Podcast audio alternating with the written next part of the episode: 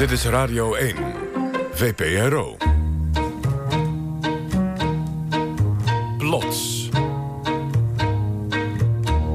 Chris Baiema en Jair Stijn.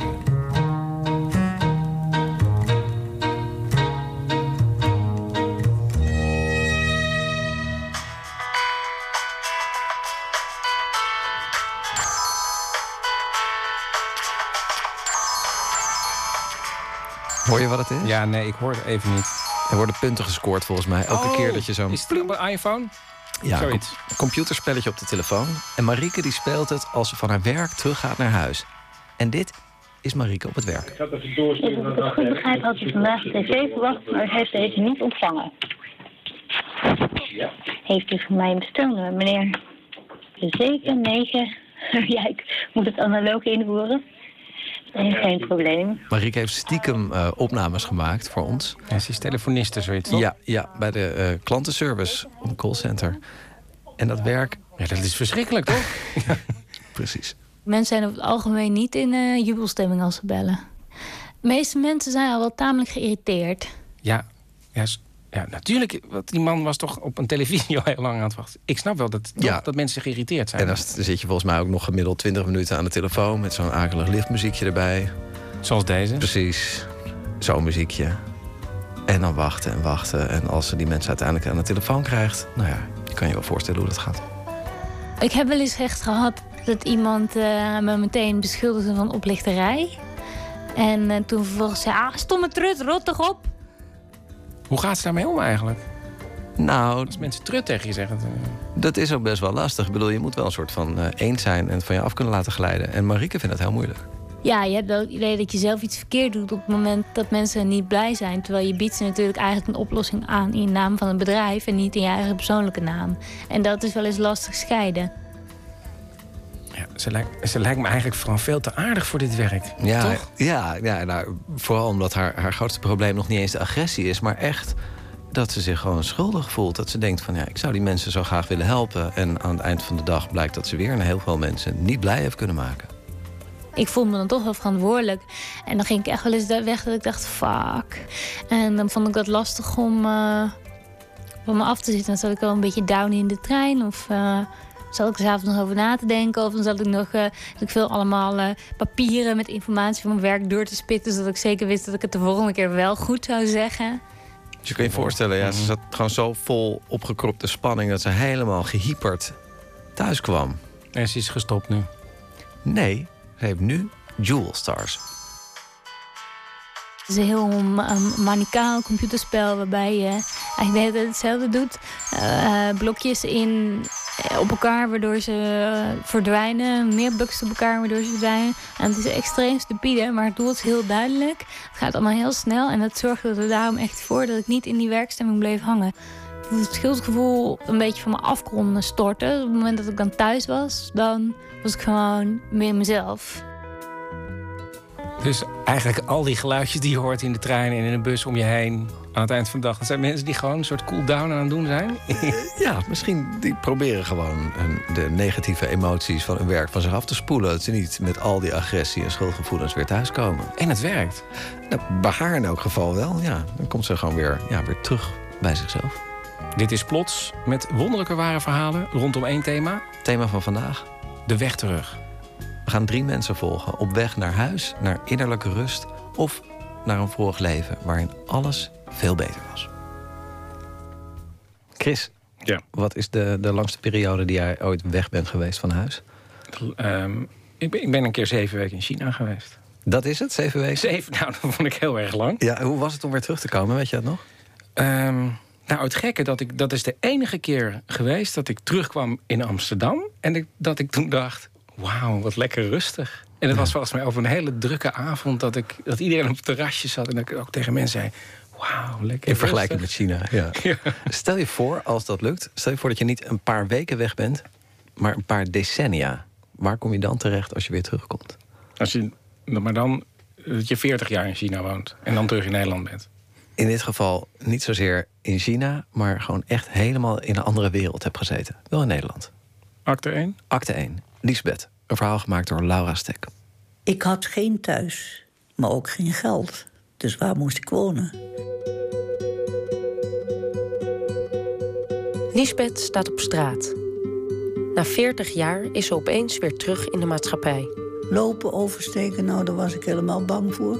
Dus dan moest ik weer leren. De jaren van isolatie hebben haar vervreemd van de wereld die wij zo gewoon vinden. Ik moest natuurlijk wennen aan de drukte, de gehaastheid vooral. Die hele maatschappij komt over je heen. Ze heeft geen jas, geen tas, geen spullen. Ik had niks dan alleen maar arbeid. Lisbeth komt uit het klooster.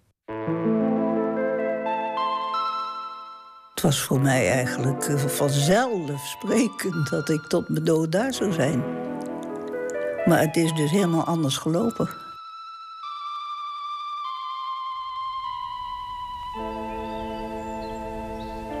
Terug naar 1954. Lisbeth is 22 en werkt op een bloemenkwekerij.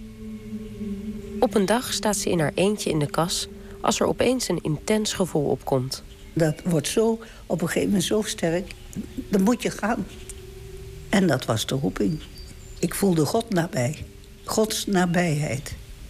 Lisbeth komt uit een goed katholiek gezin. Toch verrast ze haar familie met haar keuze. Ze is extravert en levendig.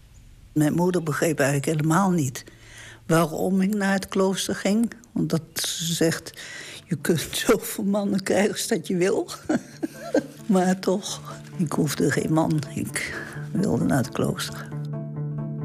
En ze gaat. Naar een karmelitessenklooster in het Brabantse Haren. Je bent een half jaar postulant. En na een half jaar word je ingekleed. Wereldse kleren uit. En dan krijg je het habijt aan. En dat, ja, dat vond ik geweldig. Geweldig. Lisbeth leeft in een ongeschoeide kloosterorde. Een van de strengste. Met als uitgangspunt het offerleven. Net te koud in de winter. Net te weinig eten. Het stilzwijgen. En dan deed je vele briefjes schrijven. En daarnaast uren per dag bidden en keihard werken. Ik was vaak in de tuin bezig met mijn volle arbeid. Dus dat, ja, dat was dan het offer. Tien jaar heb ik in de tuin gewerkt. Tien jaar in de keuken en tien jaar aan de was. Toch wil Lisbeth niets anders dan dat. Ik voelde me daar vrij. De innerlijke vrijheid. Dus het vrijkomen van binnen.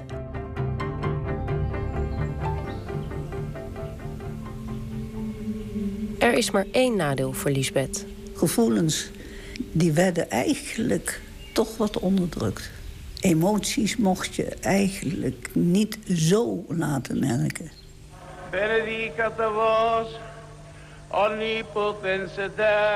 Maar daar komt een oplossing voor. Tijdens het Tweede Vaticaans Concilie in 1965 wordt besloten dat sommige kloosterordes moeten vernieuwen. Bij het concilie heeft men eigenlijk bevonden dat de strenge orders te streng waren en dat men dat niet meer op kon brengen.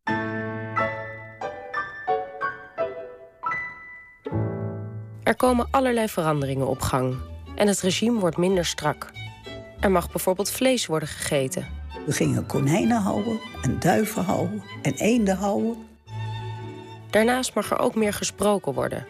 En er komt officieel overleg. Communiteitsberaad noemden we dat. We kwamen bij elkaar. De vaste tijd werd verkorter. Er komt zelfs een televisie. Ik keek wel eens voetbal. Ja, dat was een openbaring voor ons. Dat is een proces geweest van tien jaar, wat langzaam is gegooid. En wat ook goed was gegooid.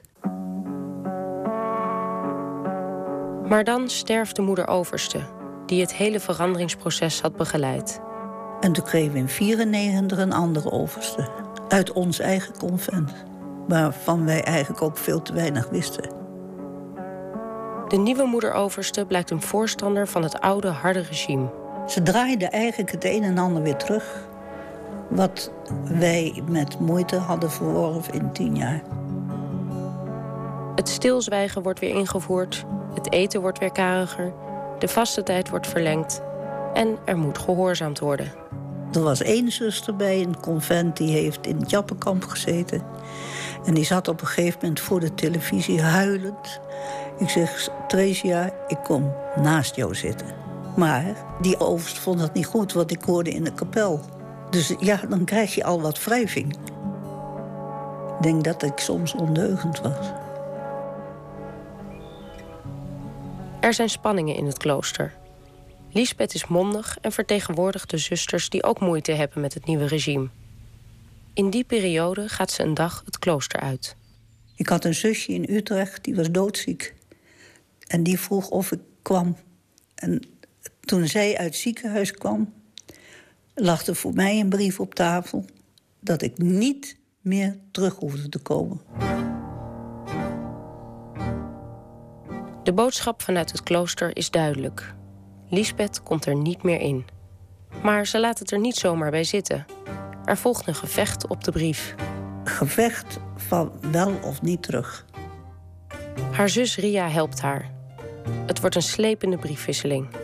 En toen zei ik nog in het begin van... ja, doe het maar in een map. In een map, zegt ze. Er wordt een hele ordner. Ria en Lisbeth hopen dat het bisdom nog iets kan betekenen. Maar daar blijft het stil. Lisbeth slaapt zo lang bij haar zus. En als die dan dinsdagavond de beritsclub opzocht... deed ik mijn arbeid in de was, want ik had verder niks. en zij had eigenlijk geen logeerkamer.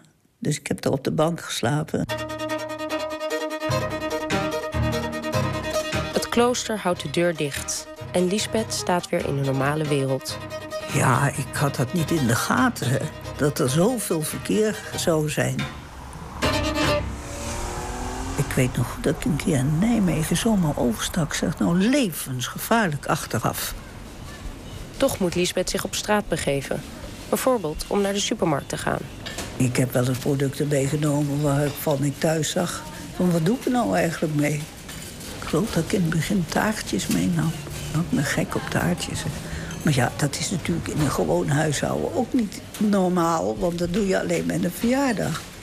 Ook tijdens het afrekenen merkt ze dat ze het gewone leven ontwend is. Dat wordt zo vlug gedaan. Dus ik zat, in het begin zat ik mijn geld na te tellen. Maar intussen groeide die rij achter me. Ik denk, ja, dat kan natuurlijk ook niet. Hè? Dus ik heb op goed vertrouwen dat geld uh, teruggepakt en, en thuis uh, nagekeken. En dan is er nog het sociale leven. Om te herintegreren gaat Liesbeth af en toe mee naar een borrel of een feestje. Maar dat is niet altijd even makkelijk. Ik denk, ja, waar moet ik het in godsnaam over hebben? Want al die onderwerpen die men aanspreekt, daar zat ik niet in. Over huwelijken, echtscheidingen. Uh, uh, ik ken er niks van. Het sociale leven van de wereld niet. Ik heb wel geluisterd, maar ik kon niet meepraten. Dus ik heb me wel een tijdje als een muurbloem gevoeld. Dat heeft, dat heeft wel een paar jaar geduurd.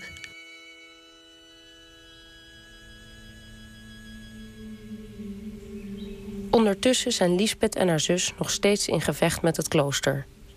Maar de hoop op terugkeer wordt steeds kleiner.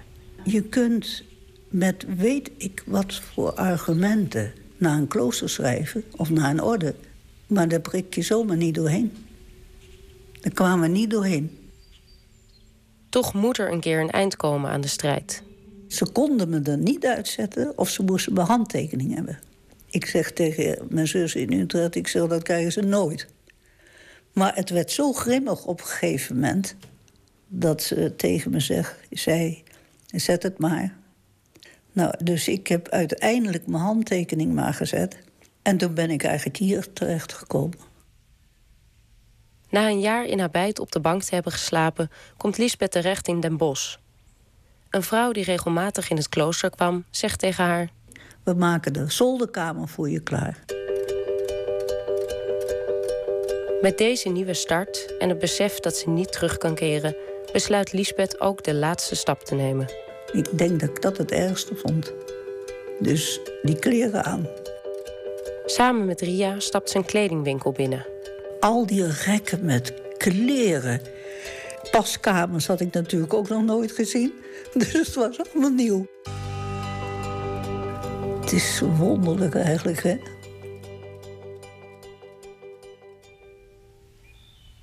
Lisbeth heeft zich inmiddels aangepast aan het wereldse leven. Ze is gewend aan de drukte en voelt zich niet meer buitengesloten. In de verjaardagen zit ik er gewoon bij. En kun je toch enigszins meepraten. Aan de buitenkant is er van haar kloosterverleden niets meer te zien. Maar op de vraag waar ze uiteindelijk liever is, zegt ze... Als je diep in mijn hart kijkt... dan ben ik liever in het klooster als in de maatschappij.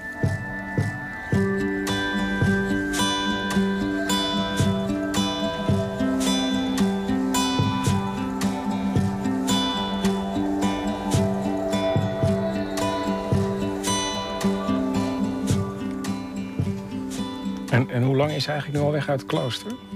18 jaar. 18 jaar. 18 jaar, ja. Ze verlangt dus nog steeds terug.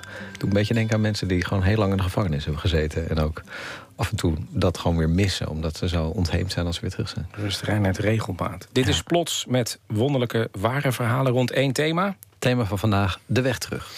Ja, hier. Was jij vroeger als kind bijgelovig? Had je be- bepaalde rituelen? Dat je dingen moest? Weet je, je hebt van die kindjes die moeten dingen doen, want anders, anders gaat het mis. Ja, ja.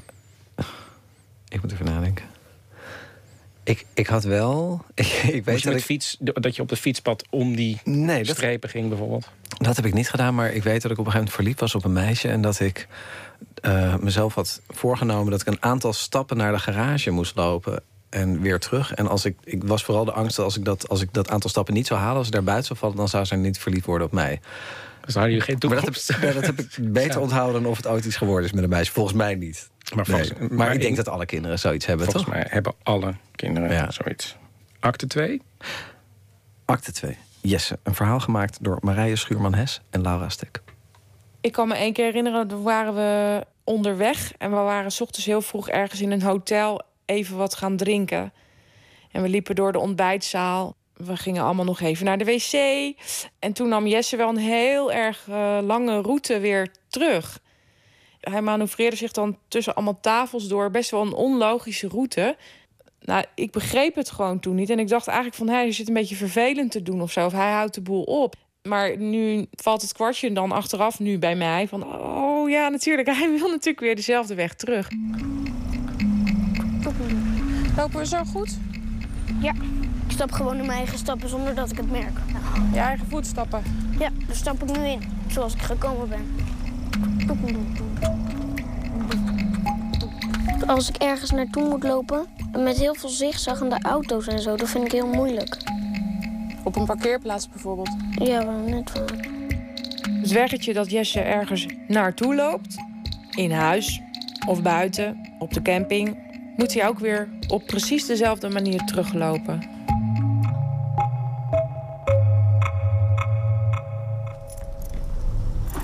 De speelgoedwinkel.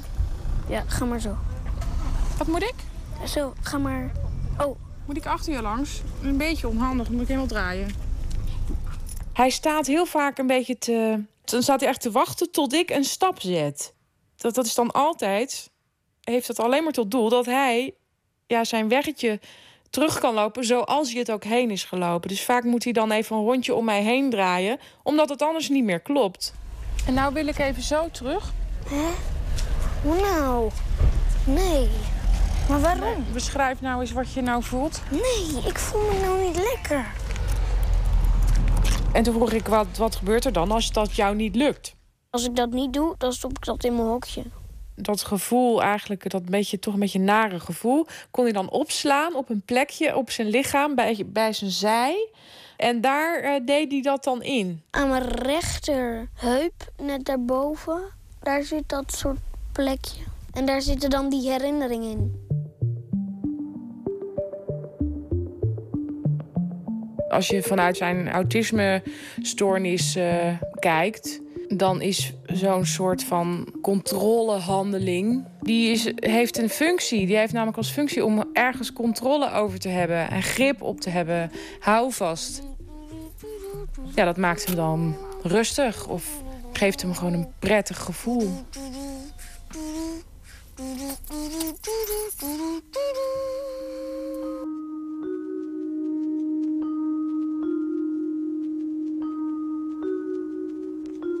Ik ben wel benieuwd hoe ontwikkelen dit soort uh, gedragingen zich. Hij is nu tien en ja, hoe gaat dat zijn als hij straks in de puberteit komt? Ik ga wel zo in de auto stappen hoor. Ik ga niet zo auto stappen. Bij zijn vorm van autisme kan het zo zijn dat hij in de puberteit uh, psychotische kenmerken gaat krijgen. Dat hoeft niet, maar dat kan wel. Bij psychose horen wanen, eh, horen soms ook stemmen die opdrachten geven. Of hoort ook dat je, dat je denkt dat iedereen tegen jou is. Dat vind ik wel erg eng. Vind ik gewoon eng, want dat is heel ongrijpbaar. Wij zijn klaar met alle boodschappen. En nou mag jij van mij kiezen hoe we naar de kassa gaan. Zo. Dan staan we wel een beetje in een gangpad. En daar is hij leeg. Daar staat niemand. We doen deze. Dan deze. Prima. Aan de ene kant wil ik hem graag dat gunnen. Ik wil hem zijn rondje gunnen of zijn weggetje terug. Ook al moet hij daarvoor onder mijn uh, wasmand doorkruipen... of moet ik daarvoor een onhandige stap uh, opzij of schuin achter naar achteren zetten.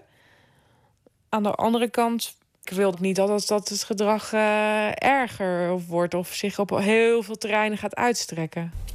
En jij zat voorheen, ik zat achter jou. Je stuurde me briefjes en ik las het gauw. Je wilde verkeer. Ik schreef ik ja. Je was ik heb laatst een paar uh, opnametjes gemaakt. En uh, als hij dan weer aan de goede kant van de auto is, heeft kunnen instappen.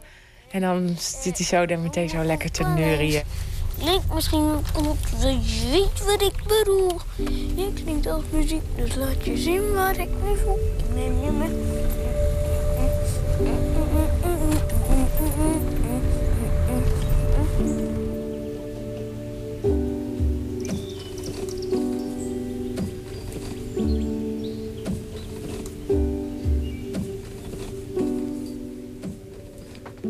Dit is Plots met wonderlijke, ware verhalen rond één thema. En het thema vandaag is de weg terug. Volgende verhaal. Bloemen Evers was een tiener toen ze op transport werd gezet naar Auschwitz. En daar heeft ze 50 dagen gezeten... tot ze met een groep mensen op de trein werd gezet naar een ander kamp. Libau. Li Libau. Ja, het is eigenlijk een veel minder bekend uh, kamp. Ligt, uh, plaats ligt nu in Polen. In de Tweede Wereldoorlog lag het nog in Duitsland. En Libau maakte onderdeel uit van een concentratiekamp Groos Rosen. En dat was schijnbaar echt een, een, berucht kamp. Maar toch, en dat wisten mensen toen al, beter dan Auschwitz. In de trein op weg naar dat tweede kamp... zei een Poolse vrouw tegen Bloema... we rijden nu naar het leven. En klopte dat wel een beetje? Nou, ja, ja. voor haar gold het wel. Ja. Bloema overleefde het kamp. Maar de reis naar het leven duurde wel langer dan verwacht. Acte 3, Bloemen. Een verhaal gemaakt door Stef Visjager. We rijden, we glijden, we gaan naar Amsterdam. Niemand die ons nog kan weerhouden. We gaan naar Amsterdam van ontroering, koud en klap. Ik word nog helemaal ontroerd. Uh, nou, het mooie Amsterdam met zijn oude grachten. O jongens, wat een gein. Het is een plomantijn. Met kussens op de banken. Niet lange, harde planken. Mijn bips weet zich heraad wat er gebeuren gaat. We gaan naar Amsterdam toe. Het is nog niet laat. ja, nou, sorry, maar... Dit is Bloemen Evers. Ze is nu 86. Ze zingt een lied dat haar vriendinnen schreven in Kamp Libau. Winter 1944. Bloemen was toen 18 jaar. Ze wisten niet hoe lang het zou duren voor ze naar huis konden. Ze wisten zelfs niet of ze die dag zouden meemaken. En dan, op 8 mei 1945, is het opeens vreemd stil in het kamp. Na een tijdje waagden de moedigsten onder ons zich naar buiten. En uh, aan de ingang van het kamp was het wachthuisje van de SS. Dat bleek leeg te zijn. Ik voelde hoe ik groeide. Dat betekent waarschijnlijk dat ik rechtop ging lopen. Ik keek naar de zon, alsof ik die in geen maanden gezien had. Ik rekte me uit.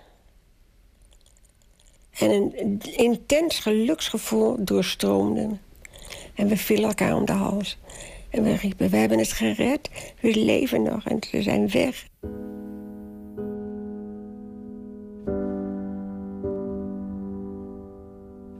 Er blijkt een vrachtwagen met brood buiten het kamp te staan.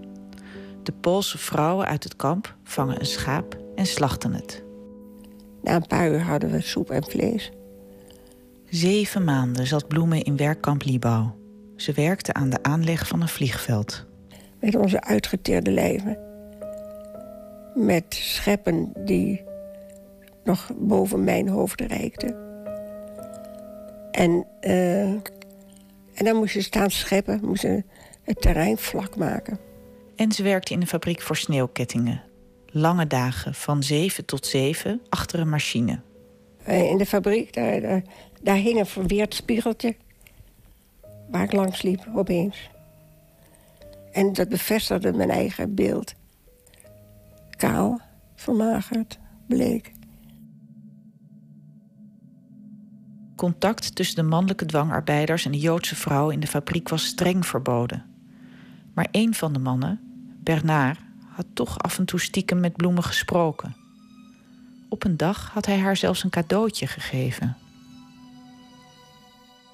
En in dat pakketje zat een tuiltje bosviooltjes en een, een zo'n grote plaquette eh, met onze initialen erin.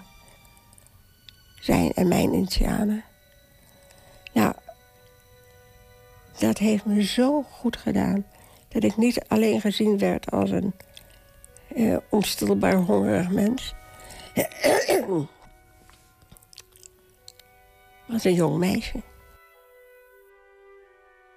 Zij is niet verliefd op hem, hij wel op haar. Die middag van de bevrijding zoekt hij haar op in het kamp. Onder het werk had hij Bloemen verteld hoe mooi de omgeving was en dat hij haar, zodra dat kon, zou meenemen, uitwandelen. Ja, dat was prachtig. Hoge bergen, lage bergen. Uh, prachtige vergezichten. Ja, nee, het was... Ja. Maar mijn krachten waren toch beperkt, hoor. Ik kon niet zoveel meer. Dus, ik was 35 kilo. Ze picknicken in een bergwei. Hij had twee pakjes wijzen, een groot en een klein. En nodigde me uit voor le déjeuner op het gras. En daar, zaten, er zat een boterham in. Stel je voor, direct na de bevrijding, na de, dat de SS weg was... bleek er een trein te zijn vol met eten, wat wij niet kregen. Ze wachten blijkbaar tot het brood beschimmeld was en dan deelden ze het uit. En dus ik kreeg nu onbeschimmeld brood. met boter en suiker. Veertien dagen gaan voorbij met wachten en wandelen in de prachtige omgeving van het kamp. Er komt geen hulp. Wij dachten, we, we worden afgehaald door het Rode Kruis. Niks, niks, niks. Wel de Franse, wel de Belgische vrouwen. Door hun Rode Kruis, niet door het Hollandse. Die krijgen ook nooit een cent van mij. Zes jongens, dwangarbeiders uit de fabriek, besluiten om te gaan lopen. Ze hebben geen route, geen kaart. Wegen zijn kapotgeschoten. Ze weten alleen dat ze westwaarts moeten. En uh, ze vroegen allemaal... Ze wilden de verantwoording op zich nemen voor één vrouw. En Bernard koos mij. Ze gaan op pad met zes jonge mannen, zes jonge vrouwen en twee bolderkarren. De ene uh, strandwagen, bolderwagen, hing een kompas. Want we moesten westwaarts. En aan de andere hing een wekker. Die bungelde zo voort. Wij hadden een indrukwekkend papier gekregen van de Russen... wat niemand kon lezen, met lakstempels. Uh, alleen het woord, het, getal 12 stond erop. En zo gingen de brutaalsten onder ons, waar ik niet bij was... naar de bakker zeiden... Ziet u, twaalf broden. Kijk maar, twaalf. En naar de slagen, twaalf worsten. De truc werkt. Maar alleen als er winkels open zijn. En dat is zelden het geval. Wel helpt de brief met lakstempels bij het vinden van slaapplaatsen in boerderijen. Twaalf slaapplaatsen. Want daar slapen ze onderweg. En als wij in boerderij waren, dan kregen we te eten. En ze waren doodsbang voor ons. Doodsbang voor wraak, bedoelt Bloemen.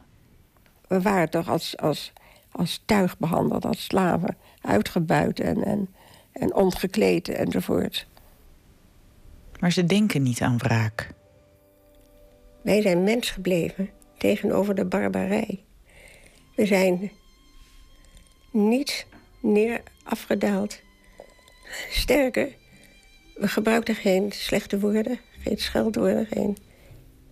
bleven beleefd tegen elkaar. Misschien juist om een tegenwicht te vormen.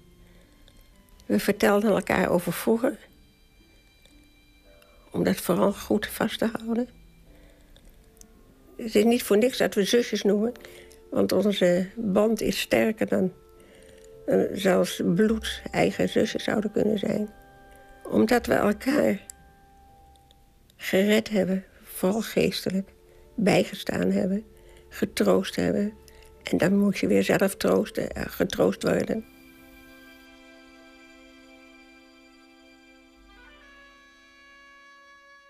Op een dag willen Russische soldaten in dezelfde boerderij slapen als waar het twaalftal logeert. We zaten eh, in de grote huiskamer met de boerin en de Russen. En wij. De commandant zat zo. Met zijn hoofd in zijn handen. En een van mijn kampzusjes, die gaf hem twee aspirintjes.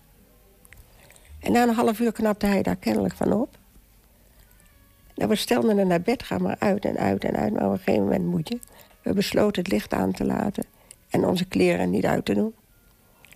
Maar op een gegeven moment werd de deur opengeworpen en ze traden daar soldaten binnen. En ze hadden al besloten wie, wie, wie. Totdat de deur weer opengeworpen werd. De commandant stond daar met een grote lantaarn. Ondertussen hadden ze de lamp stuk geslagen. Die overzag de situatie en gooide elke soldaat de trap af. Twee aspirintjes tegen verkrachting.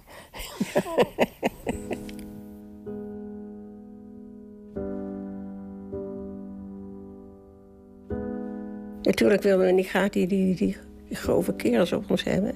En hebben we geschreeuwd. Maar dat ik bang was, dat herinner ik me niet. Het is nog zo, ik ben de angst voorbij. Als je zo weet dat je elke dag neergeschoten, vergast kan worden. Je, je kan niet aan eens roer bang blijven.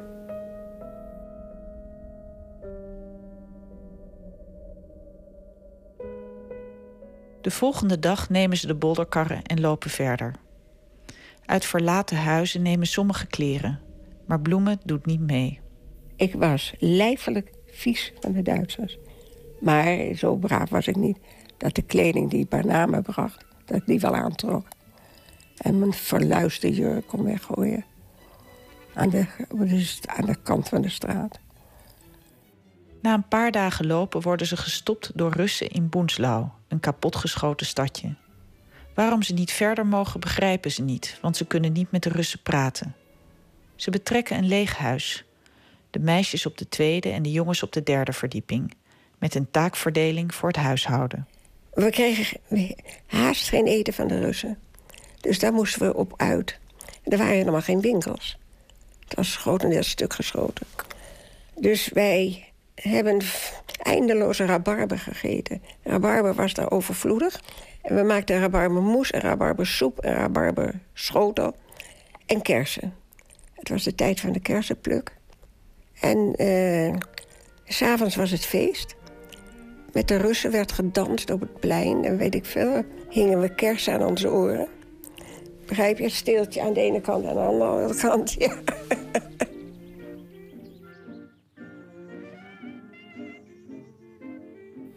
Het is een gelukkige tijd geweest. We stonden open voor het avontuur. We gingen naar huis, wat dat dan ook mocht zijn. Nee, de vreugde overheerste. Toen, het, het grote verdriet kwam later. Na een week of twee in Boenslau horen ze dat ze gerepatrieerd zullen worden.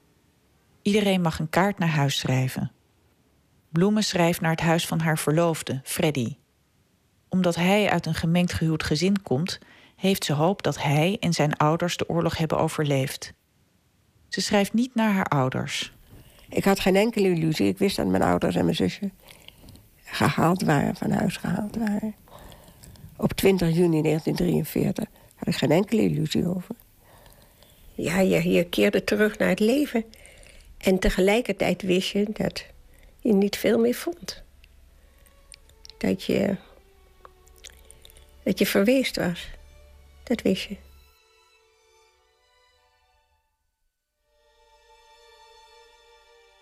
Ze worden op open treinen geladen. De Russen dragen de repatrianten over aan de Amerikanen. En de Amerikanen zetten hen op een passagierstrein naar Leipzig. Daar staat een trein naar Holland en een trein naar Frankrijk klaar. En dus scheiden de wegen van Bloemen en Bernard. Mon petit enfant Fleurette noemde hem. En je suis votre protecteur. Mijn kleine bloemetje. Ik ben je beschermer, zei Bernard. Dat was hij ook. Dat was hij ook.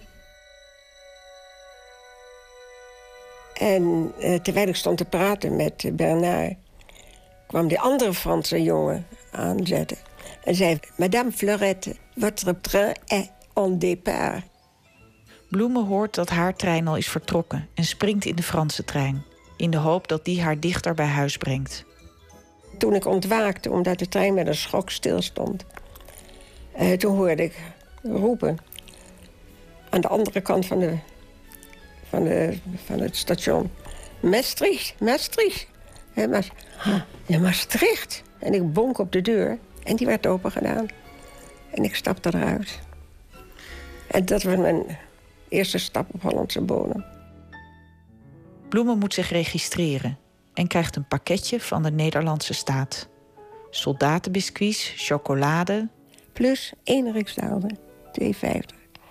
En daar moesten we maar zien het leven mee te herop te richten. Bloemen realiseert zich dat haar kampzusjes zich vreselijk ongerust maken over haar. Die weten niet wat er met haar gebeurd is sinds ze de trein gemist heeft. Het was heel vroeg in de ochtend. Ik werd naar school gebracht, naar een gymnastieklokaal... en daar lagen mijn vriendinnetjes te slapen. Ik dacht, ik krijg geweldig mijn donder. Die chocoladerepen heb ik in stukjes gebroken... en in hun slapende mond gestopt. Denkende, dan kunnen ze de eerste minuut in elk geval me niet uitschelden. Ze ontmoet een vrachtwagenchauffeur die bereid is om hen mee te nemen naar Amsterdam. De Riksdaalder die ze net hebben gekregen om hun leven herop te richten, moeten ze aan hem betalen. Wij verzochten de vrachtrijder ons bij de Berlagebrug af te zetten. Dus het laatste stuk liepen wij samen op en vonden de straat zo kaal. Later begrepen we dat alle bomen gekapt waren in de oorlogswinter. Uh, ja, ik zie ons nog lopen. Het is 30 juni 1945, acht weken na de bevrijding van kamp Libau, als Bloemen de Rijnstraat inloopt. Ze hoopt dat haar verloofde Freddy de oorlog heeft overleefd. De familienaam staat nog op de deur, ziet ze. En het was een uur of zes in de avond. Nou, ik belde aan. Ik dacht, wat zal ik aantreffen?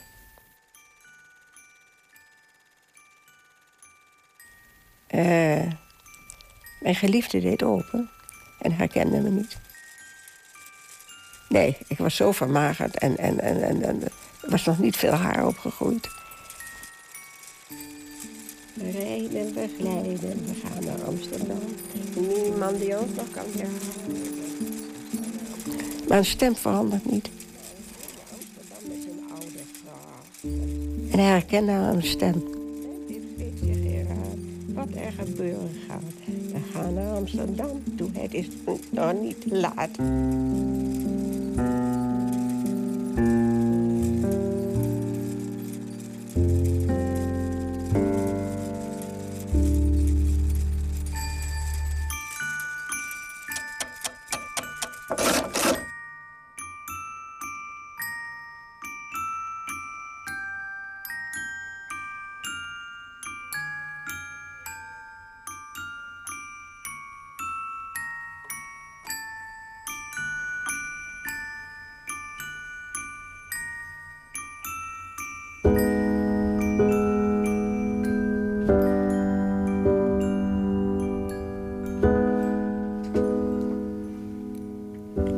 Werd gemaakt door Katinka Beer, Chris Bijma, Bente Hamel, Esma Linneman, Tjitske Musche, Jennifer Patterson. Richtje Rijnsma. Zij interviewde Marieke, het meisje in het callcenter... helemaal aan het begin van de uitzending. Marije Schuurman-Hes, Laura Stek. Stef Visjager, Productie Sharon de Vries. techniek Alfred Koster. Plots wordt mede mogelijk gemaakt door het Mediafonds. Zoals altijd zien we uw reacties heel, heel, heel graag tegemoet op onze website vpro.nl slash plots. En daar vindt u ook onze eerdere afleveringen... en u kunt lid worden van de gratis Plots podcast. Straks Bureau Buitenland met Harm Ede Botje. Ik heb laten vertellen dat zij ook de weg teruggaan. In ieder geval even naar de Verenigde Staten... toen alles nog heel erg hoopvol daar was. En daarna gaan ze meteen door naar de rauwe realiteit van het nu. Ze praten u bij over de crisis al daar in de Verenigde Staten en in Europa. En volgende week verhalen in studio Itzerda. Plots is er volgende maand weer. Zoals altijd de laatste zondag van de maand. Thema is dan BFF. Ook wel? Best Friends Forever. Dus noteer zondag 30 september. Dan is Plots er weer. En voor nu bedankt voor het luisteren.